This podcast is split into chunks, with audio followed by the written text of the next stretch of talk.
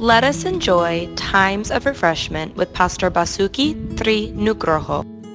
Shalom, Mazmur 116 ayat 8 dan 9. Ya, engkau telah meluputkan aku daripada maut, dan mataku daripada air mata, dan kakiku daripada tersandung. Aku boleh berjalan di hadapan Tuhan di negeri orang-orang hidup. Kontras mencolok. Itulah yang nampak perbedaan respon terhadap suatu peristiwa yang sama. Bayangkan senyuman Yesus ketika menyembuhkan kaki seseorang yang tidak dapat berjalan selama 38 tahun. Yohanes 5 ayat 2 sampai 8. Sekarang bayangkan wajah yang berlawanan di wajah para pejabat bait suci yang tidak terkesan oleh kepedulian Yesus terhadap kaki atau hati seseorang yang telah pergi begitu lama tanpa bantuan.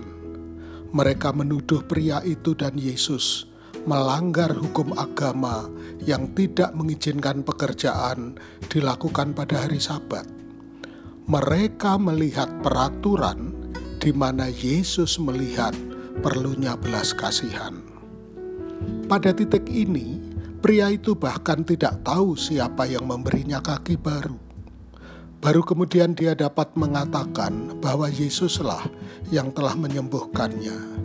Yesus yang sama yang akan membiarkan kakinya dipakukan di kayu kasar untuk menyelamatkan orang itu dan kita. Berita yang terbaik dalam sejarah. Tubuh pikiran dan hati yang hancur karena kasih. Tuhan memberkati.